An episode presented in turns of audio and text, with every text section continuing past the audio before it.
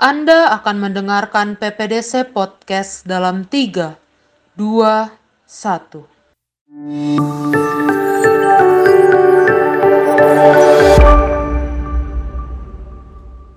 Hello guys, welcome to PPDC Podcast. Balik lagi dengan gue Niko. Dan gue Lia. Hai Lia, gimana nih kabarnya? Baik banget dong Kak. Kalau Kak Niko apa kabar nih? Baik juga dong pastinya. Semoga para pendengar kita juga sehat selalu ya. Amin. Oke Kak, hari ini kita mau ngebahas apa sih Kak? Nah, kayaknya yang udah ada di judul podcast kita kali ini Lia. Kita mau ngebahas tentang resistensi antibiotik. Tapi sebelumnya, kita mau kenalin nih pembicara kita buat podcast kali ini. Pada podcast kali ini, kita udah kedatangan pembicara kita yaitu Dr. Dike Hanura Vinova Afifi. Beliau sekarang sedang menempa pengalaman di negeri Paman Sam yaitu Amerika Serikat dan aktif terlibat sebagai penyusun materi di salah satu perusahaan edukasi kedokteran di Amerika. Beliau telah menulis buku fenomenal di dunia kedokteran yaitu komik kedokteran pertama di Indonesia dengan judul Simple Notes of ECG bisa ditemukan di toko buku FKUI Sagung Seto. Sebelum ke Amerika, ke Amerika Serikat, beliau sempat berkarir di Indonesia yaitu sebagai praktisi di dokter ICU di salah satu rumah sakit di Jakarta dan juga terlibat penelitian dan membantu clinical trial di RSCM FKUI. Wah, sangat memotivasi sekali ya, Kak Niko, Yap, betul banget. ini. Pastinya udah gak sabar kan buat kenalan sama pembicara kita kali ini. Langsung aja deh kita sambut Dr. Dika Hanura Vinova Afifi. Halo dok. Ah, hello. Bagaimana kabarnya, kasih? Mas. Alhamdulillah baik. Oke. Gimana kabar di sana Mas Niko Mbak Lia? Baik dok, pastinya. Nah, Oh, Baik dong. Terima kasih udah nyempetin waktu nih dok buat kita biar bisa ngobrol-ngobrol dan berbagi ilmu di PPDC Podcast khususnya. Oh ya, sama-sama terima kasih juga. Suatu kehormatan bagi saya untuk bisa ngisi acara Senat Farmasi ini. Oke dong, tadi kan kita udah kenalan nih sama pembicara kita. Dah, sekarang kita langsung masuk ke topik pembahasan podcast kita kali ini. Oke, dok, kita sering dengar nih istilah tentang antibiotik. Kira-kira boleh dijelasin dulu nggak sih pengertiannya secara singkat biar kita tahu nih tentang apa sih itu antibiotik? Ya, kalau dari antibiotik ya. Antibiotik itu secara terminologi ya, kita bisa bagi dari anti sama biosis ya. Itu jadi obat yang digunakan untuk bisa melawan mikroorganisme. Nah, cuma itu secara global. Nah, secara spesifiknya sekarang sudah digunakan diperuntukkan sebagai antibakterial. Jadi terminologi itu sekarang sudah digunakan untuk sebagai obat melawan bakteri. Nah, secara spesifik yang lain, antivirus, antifungal, antivirus atau antifungal, anti jamur itu secara spesifik dinamakan dengan terminologi tersendiri. Jadi sekarang antibiotik digunakan sebagai obat yang digunakan untuk melawan infeksi bakteri yang ada di dalam tubuh. Hmm, berarti artinya antibiotik itu bekerjanya secara spesifik ke bakteri dok? ya? Iya, jadi terminologi awalnya itu secara untuk spesifik semua mikroorganisme, termasuk virus, jamur, bakteri. Tapi sekarang terminologi lebih disempitkan untuk bakteri saja. Jadi sebagai antibakterial. Tapi terminologi itu tidak dilepas, tetap digunakan sebagai antibiotik khusus untuk bakteri. Oke dok, tadi kan dokter sudah menjelaskan nih terkait istilah dari antibiotik. Nah, kita kan juga sering dengar ya dok, istilah dari antivirus, antiseptik, dan juga antibakteri. Nah, apa sih dok perbedaan dari masing-masing tersebut? Jadi kalau antibiotik seperti penjelasan yang tadi ya, untuk bisa melawan bakteri. Nah, tadi ada terminologi yang disebutkan antiseptik ya. Betul, dok. Jadi prinsipnya sama untuk melawan mikroorganisme. Cuma ini cangkupan yang lebih luas daripada antibiotik. Seperti yang saya sebutkan tadi, yang antibiotik khusus untuk bakteri, yang antiseptik bisa untuk mikroorganisme yang lebih luas. Dan perbedaannya juga, antibiotik itu digunakan untuk dalam tubuh, sedangkan antiseptik digunakan di luar tubuh. Dan kenapa ada perbedaan penggunaan antibiotik dan antiseptik? Pertama dari mikroorganismenya, kedua penggunaannya dalam dan luar, dan kenapa dibedakan antara dalam dan luar? Karena keamanan dalam pemakaiannya. Kalau antibiotik digunakan dengan kadar dosis tertentu yang aman diterima oleh tubuh. Sedangkan antiseptik itu, contohnya seperti alkohol, hidrogen eh, peroksida, itu tidak aman digunakan di dalam tubuh sehingga hanya digunakan di luar tubuh. Contohnya di kulit, permukaan, kulit sebelum operasi, atau tindakan-tindakan medis lainnya. Nah, sedangkan ada salah satu terminologi lain, itu namanya desinfektan. Itu mirip seperti antiseptik, cuma bedanya itu digunakan di atas permukaan benda mati. Kemudian tadi uh, disebutkan terminologi apa lagi? Antivirus. Iya betul. Antivirus ya. Oh ya, antivirus itu obat yang digunakan untuk melawan infeksi virus. Oke dok, jadi tadi anti antibakteri itu digunakan untuk bisa untuk uh, dalam tubuh ya dok ya, sedangkan antiseptik itu untuk di luar tubuh gitu ya dok ya? Iya betul. Oke dok. Jadi sebenarnya bagaimana sih dok cara kerjanya antibiotik itu? Jadi antibiotik ini ada dua mekanisme umum dalam mekanisme kerjanya. Yang pertama untuk membunuh bakterinya, atau yang kedua menghentikan reproduksinya atau berkembang biaknya dari bakteri itu sendiri. Nah, itu dalam istilah medisnya disebut bakterisidal maupun bakterostatik. Nah, kalau bakterisidal itu dari efek membunuhnya, bakterostatik dalam efek menghentikan perkembangbiakannya. Dan penuntukannya itu berbeda-beda Eh, berdasar dari bakteri apa yang ditemukan gitu. Hmm, berarti mekanismenya atau cara kerjanya itu ada dua intinya. Berarti yang tadi bakteri bakterisidal dengan satu lagi apa tadi? Bakteriostatik. Oke, okay, bakteriostatik. Ya, dan ada berbagai jenis sebutan lainnya. Jadi itu dari mekanisme kerjanya. Ada juga yang sifatnya cangkupannya. Ada yang cangkupannya luas. Jadi ada satu antibiotik yang memang bisa melawan berbagai jenis bakteri. Ada juga jenis antibiotik yang hanya bisa melawan satu tipe bakteri tertentu. Nah, itu sebetulnya spektrum luas atau spektrum sempit. Nah, itu juga ada klasifikasi seperti itu. Berarti ibaratnya kalau spektrum luas itu satu antibiotik bisa untuk berbagai macam penyakit ya betul? Iya, contohnya kalau ada jenis bakteri ada gram positif, gram negatif. Kalau yang broad spectrum atau yang spektrum luas itu bisa untuk dua-duanya. Nah, hmm. ada juga yang spektrum sempit, contohnya yang bisa hanya menyerang gram positif saja atau hanya menyerang gram negatif saja. Oke, Dok, siap. Wah, berarti kalau seperti itu, apakah antibiotik ini kerjanya secara spesifik, dok? Iya, spesifik. Oke, dok. Nah, misalkan ya, dok, tenggorokan kita lagi gatal. Kan kebiasaan orang Indonesia itu suka malas ke dokter ya. Apalagi kayak cuma untuk keluhan-keluhan yang ringan kayak gitu ya, dok. Nah, sebenarnya boleh nggak sih kita langsung ke apotik buat beli antibiotik tanpa harus dengan resep dokter? Nah, sebenarnya untuk antibiotik ini secara umum itu merupakan obat keras ya, yang di labelnya sendiri pun dituliskan hanya boleh diresepkan oleh dokter. Jadi secara regulasi sebenarnya tidak boleh diperjualbelikan secara bebas.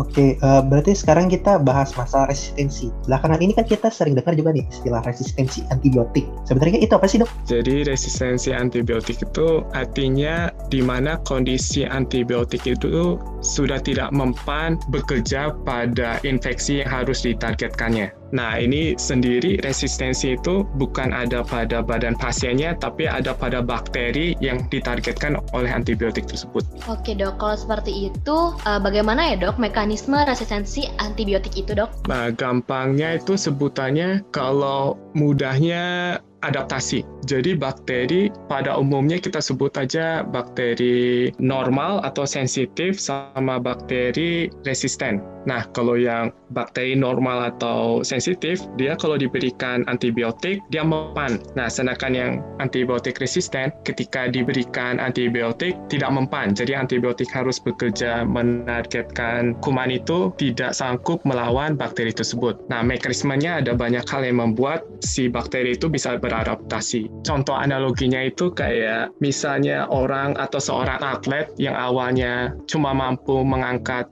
beban 1 kg, akhirnya setelah dia berlatih bisa jadi mengangkat beban seberat 10 kg. Nah, umpama mudahnya seperti itu.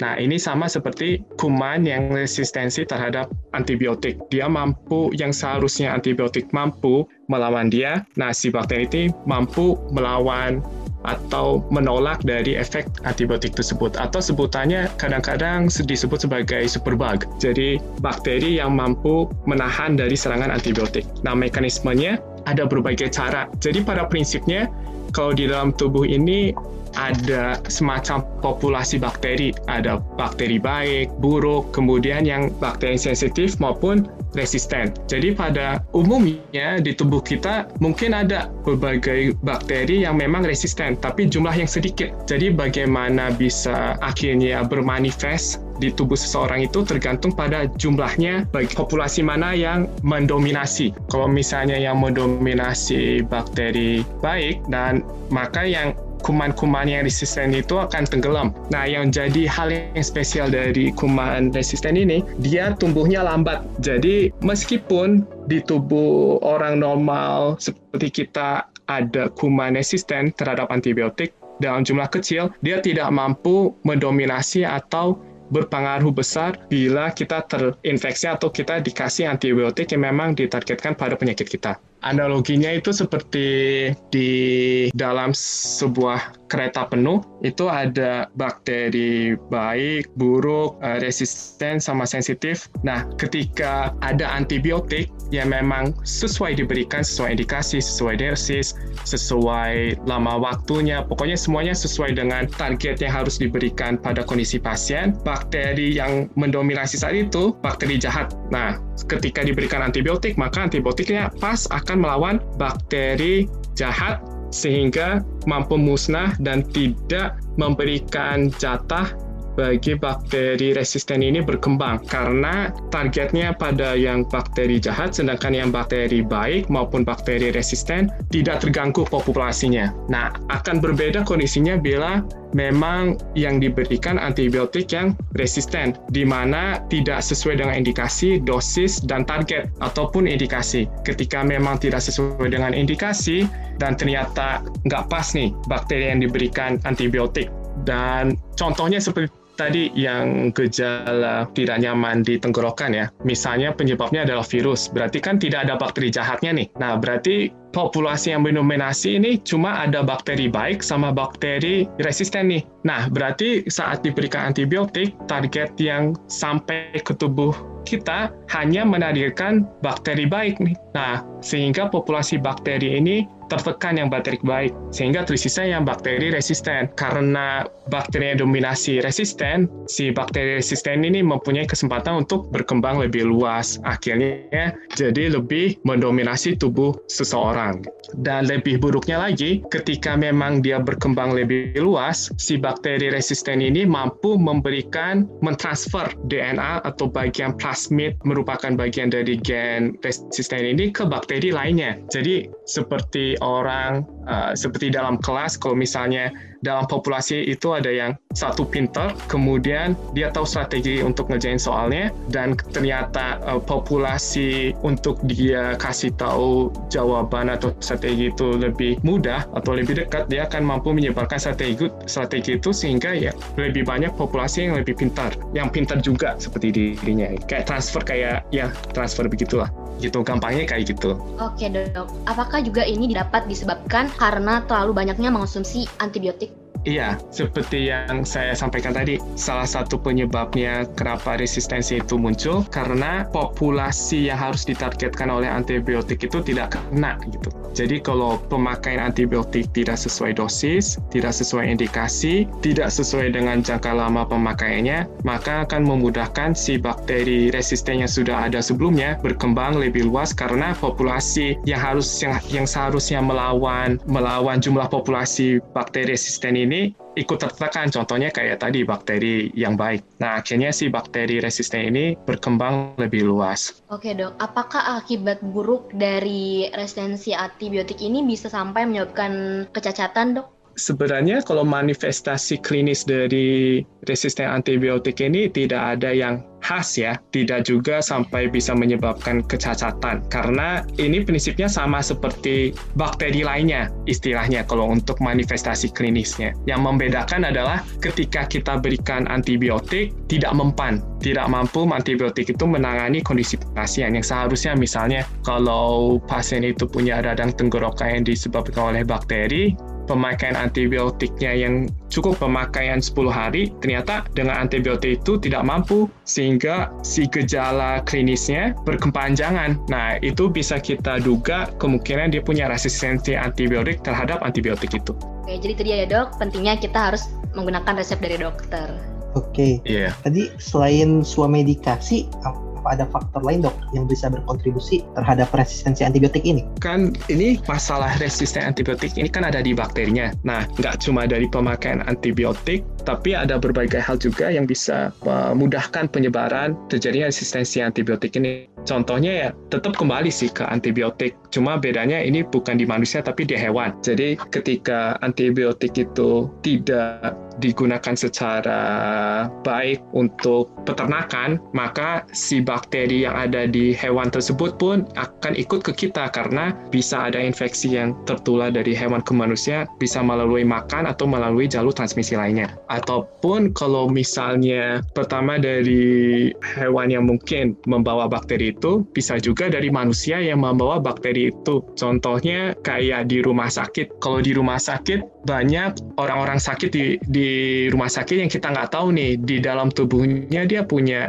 bakteri apa dia punya bakteri yang biasa yang sensitif antibiotik apa memang di badannya ada bakteri jumlah bakteri resisten yang mendominasi. Nah, bagaimana dia bisa menularkan bakteri resisten itu dengan gejala yang dia munculkan seperti batuk, pilek. Nah, semua bakteri yang ada di tubuhnya dia ikut juga keluar yang berhubungan dengan uh, gejala klinis yang ada padanya. Misalnya kalau dia bakterinya ada di saluran pernafasan. Nah, ketika dia batuk, dia mampu mengeluarkan bakteri resisten yang ada di situ dan kita bisa tertular dengan bakteri resisten itu. Nah, makanya salah satu hal untuk mencegah biar kita tidak terkena dari bakteri resisten itu dengan tetap menjaga higienitas diri kita. Sering mencuci tangan, makanya setiap di rumah sakit itu selalu ada hand sanitizer di dinding. Nah, biar kita juga tercegah dari hal-hal yang mungkin bisa mengekspos kita terhadap bakteri-bakteri itu. Berarti tadi ada dari faktor hewan, faktor manusia berarti itu yang eh, berkontribusi berarti ya dok ya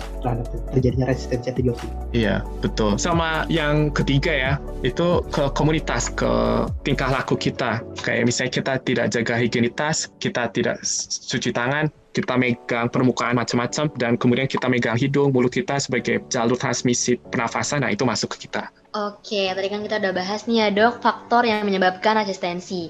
Nah, bagaimana sih dok cara mencegah dan menanggulangi resistensi antibiotik? Nah, kalau tadi kan seperti jelasin tuh uh, beberapa penyebabnya. Yang pertama kan dari bakterinya. Nah, solusi pertama karena faktornya ada di bakterinya, kita hindari bakterinya. Karena kita kan nggak tahu nih bakteri yang mungkin masuk ke kita ini bakteri yang sensitif kah atau bakteri yang resisten kah. Nah, dengan itu kita jaga higienitas kita dengan rajin cuci tangan rajin cuci tangan biar nanti apa-apa yang mungkin faktor yang memudahkan kita untuk masuk entah ketika kita makan dengan tangan atau kita memegang muka kita, nah kita bisa terhindar dari kemungkinan bakteri itu masuk ke tubuh kita. Kemudian menjaga higienitas makanan, seperti yang saya jelaskan tadi ada penularan yang bisa masuk karena hewan. Nah kita bisa masak daging dengan baik, suhu yang baik, penyimpanan juga baik karena kan bakteri juga bisa tumbuh dari tumbuh lebih banyak ketika penyimpanannya tidak baik. Kemudian dengan orang lain juga tidak sharing alat-alat pribadi kayak misalnya misalnya handuk atau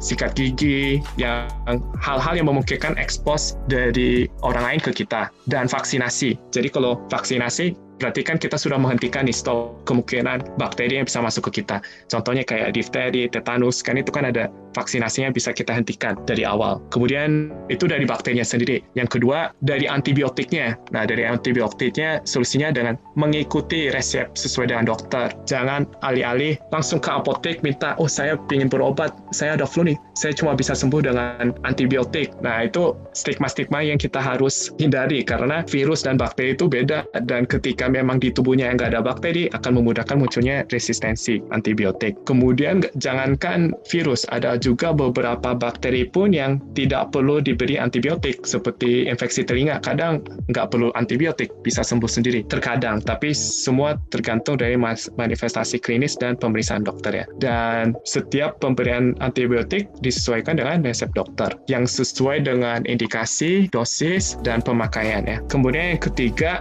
menghilangkan stigma bahwa antibiotik untuk virus karena antibiotik hanya untuk bakteri bukan untuk virus. Ada beberapa mungkin saya kasih beberapa contoh ya untuk bisa membedakan stigma-stigma yang sering salah di kalangan masyarakat maupun dari tenaga-tenaga kesehatan yang kadang keliru dalam memberikan antibiotik. Nah, salah satunya itu warna dahak. Jadi kalau kita batuk kan kadang bisa ada warna hijau, warna kuning. Nah itu tidak tidak menjadi patokan utama untuk bisa mengetahui bahwa itu adalah bakteri. Nah, itu kesalahpahaman yang umum. Karena kenapa bisa ada warna yang muncul dari dahak itu itu bisa karena buangan dari reaksi imun dari tubuh kita. Jadi tubuh kita itu bekerja, dia akan menghasilkan komponen-komponen tertentu yang menghasilkan warna itu pada dahak sehingga tidak mengharuskan bakteri sebagai penyebabnya, tapi virus juga bisa. Kemudian yang stigma berikutnya tenggorokan sakit, flu batuk seperti tadi contoh tadi ya. Nah, untuk membedakannya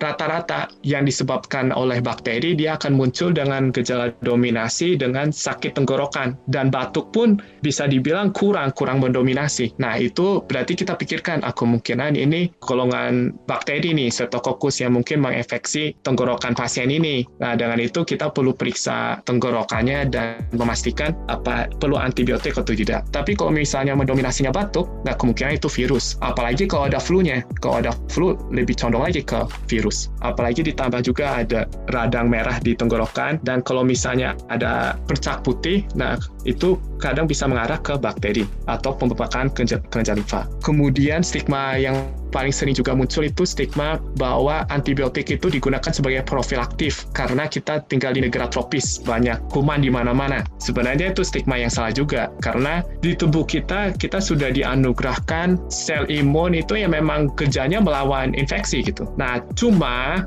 antibiotik profilaktif ini yang sifatnya pencegahan perlu pada kondisi tertentu. Contohnya seperti operasi, itu kan kondisi khusus, operasi atau punya penyakit tertentu yang memang menekan sistem imun sehingga mau tidak mau si pasien dengan penyakit khusus ini diberikan infeksi karena antibiotik karena sudah bisa dijamin bahwa kemungkinan ke depannya akan terkena infeksi makanya dikasih antibiotik. Nah itu gejala-gejala khusus yang memang mau nggak mau dikasih antibiotik pencegahan atau profilaktif. Tapi kalau misalnya kayak kita-kita kayak orang sehat yang tiba-tiba sakit tanpa punya penyakit penyerta yang serius hanya misalnya flu atau batuk, nah itu tidak bisa dijadikan alasan antibiotik sebagai pencegahan karena memang di tubuh kita sudah ada sistem mampu untuk melawan infeksi yang ada. Dan jangan lupa yang terakhir itu ketika yang antibiotik tadi, ketika kita memang dikasih antibiotik, jangan lupa kita doa sebelum minum antibiotik atau dengan Bismillah biar kita yakin biar memang apa yang masuk obat itu bisa menjadi media mengobati sakit yang kita derita saat itu. Berarti banyak stigma-stigma di Indonesia yang masih salah dok ya berarti selama ini ya.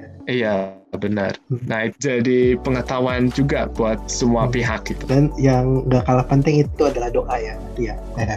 Iya, ya karena kan kadang sebenarnya kan semua lini kena ya. Ada lini kesehatannya ada, kemudian lini stigma masyarakat ada. Nah, cuma kita kan saat kondisi itu kita nggak tahu sama sekali di lini mana yang salah. Nah, kita udah Bismillah aja kan Tuhan yang berkehendak ya. Allah yang berkehendak ketika diberikan bisa aja di tubuhnya ada resisten tapi akhirnya tidak memberikan dampak atau memberikan dampak buruk karena tidak diizinkan bakteri resisten itu berkembang misalnya. Oke, jadi uh, kita udah tahu nih basic-basic dari resistensi antibiotik nih dok. Sebahaya apa sih jika antibiotik yang kita punya sekarang ini itu udah nggak efektif ibaratnya untuk mengatasi bakteri tersebut dok? Jadi kalau tidak efektif, kan targetnya antibiotik itu untuk mengobati penyakit ya. Nah, ketika antibiotik itu sudah resisten yang seharusnya dia bisa mengobati, jadi tidak bisa mengobati. Yang contohnya ketika memang target antibiotik itu diberikan tiga hari sudah sehat, nah ternyata lebih dari tiga hari nggak kunjung sembuh. Kita bisa duga kalau memang antibiotik yang dikonsumsi resisten untuk uh, kuman yang sedang diderita oleh pasien itu. Sebenarnya ya manifestasi klinis khusus sih nggak ada ya. Maksudnya yang spesial tuh yang spesial dari apa nanti muncul lebih parah atau apa. Cuma penyakitnya akan lebih parah karena antibiotik yang masuk nggak nggak mempan gitu lebih ke arah sana. Dan mungkin juga kondisi tubuh juga responnya tidak akan sebagus bila dengan antibiotik yang sensitif gitu. Baik dok, kira-kira apa ya dok solusi yang bisa kita pakai untuk mengatasi fenomena resistensi antibiotik pada masa yang akan datang? Nah, yang pertama kita luruskan semua lini dari tenaga kesehatan, kemudian dari orang awam juga. Kemudian dari kebijakan yang lebih luas dari pemerintah. Nah, kalau dari tenaga kesehatan, perlu ada pemberataan guideline atau pengetahuan yang bisa sampai ke semua tenaga kesehatan, baik dari pihak dokter, perawat, apoteker, farmasi, kesehatan bagian dari kesehatan masyarakat, dan semua lini yang berkaitan dalam pelayanan kesehatan masyarakat. Dengan satu kesatuan itu, akhirnya dengan baik mampu menyajikan dengan pemberian antibiotik yang lebih optimal. Soalnya kenapa harus disamakan? Karena pada ada kan untuk ilmu kedokteran ini berkembang setiap waktu ya, setiap setiap tahun. Jadi misalnya lima tahun yang akan datang yang harusnya dengan penyakit ini antibiotiknya A, oh ternyata karena sudah diteliti ternyata harus diganti obat B, bahkan harus ditambah dengan antibiotik C. Nah itu semua harus disamaratakan guideline-nya biar tidak memunculkan resistensi antibiotik antibiotik berikutnya gitu. Itu yang pertama untuk tenaga kesehatan. Kemudian yang kedua untuk orang awam menghilangkan stigma-stigma yang telah saya jelaskan tadi. Nah, yang berkontribusi semua lini dari tenaga kesehatan dalam mengedukasi, kesehatan masyarakat yang mengedukasi, bahkan mungkin dari teman-teman senat ini juga membantu mengedukasi kan banyak proyek acara-acara ya, proker-proker yang bisa digalakkan kepada masyarakat. Nah, itu salah satu upaya kita untuk mengedukasi, menghilangkan stigma yang ada pada masyarakat. Kemudian yang terakhir itu dari kebijakan pemerintah. Jadi seperti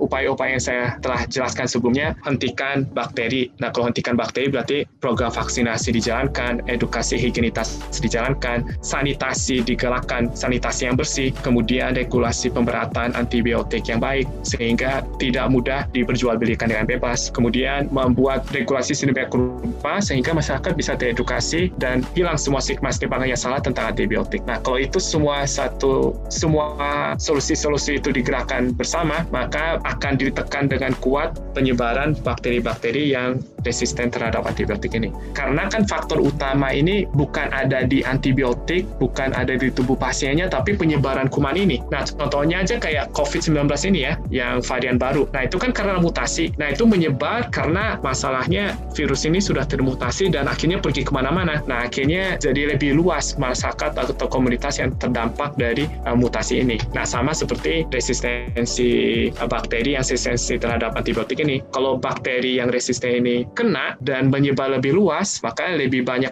orang yang juga kena gitu. Oke dok, semoga dapat dipahami ya sama pendengar-pendengar podcast kita solusi-solusi yang tadi sudah dijelaskan oleh dokter Dike. Wah, menarik banget ya dok perkembangan di ilmu kesehatan ini. Jadi harus makin semangat nih buat belajar biar bisa bantu mengembangkan dan menemukan terobosan-terobosan terbaru untuk mengatasi masalah yang kita bahas tadi. Benar nggak Kak Niko? Pastinya dong ya. Sekian dulu ya pembahasan kita mengenai resistensi antibiotik. Kali lagi terima kasih kepada dokter Dike yang udah nyempetin waktu buat bisa ngobrol-ngobrol dan berbagi ilmunya di PPDC Podcast. Oke, terima kasih juga.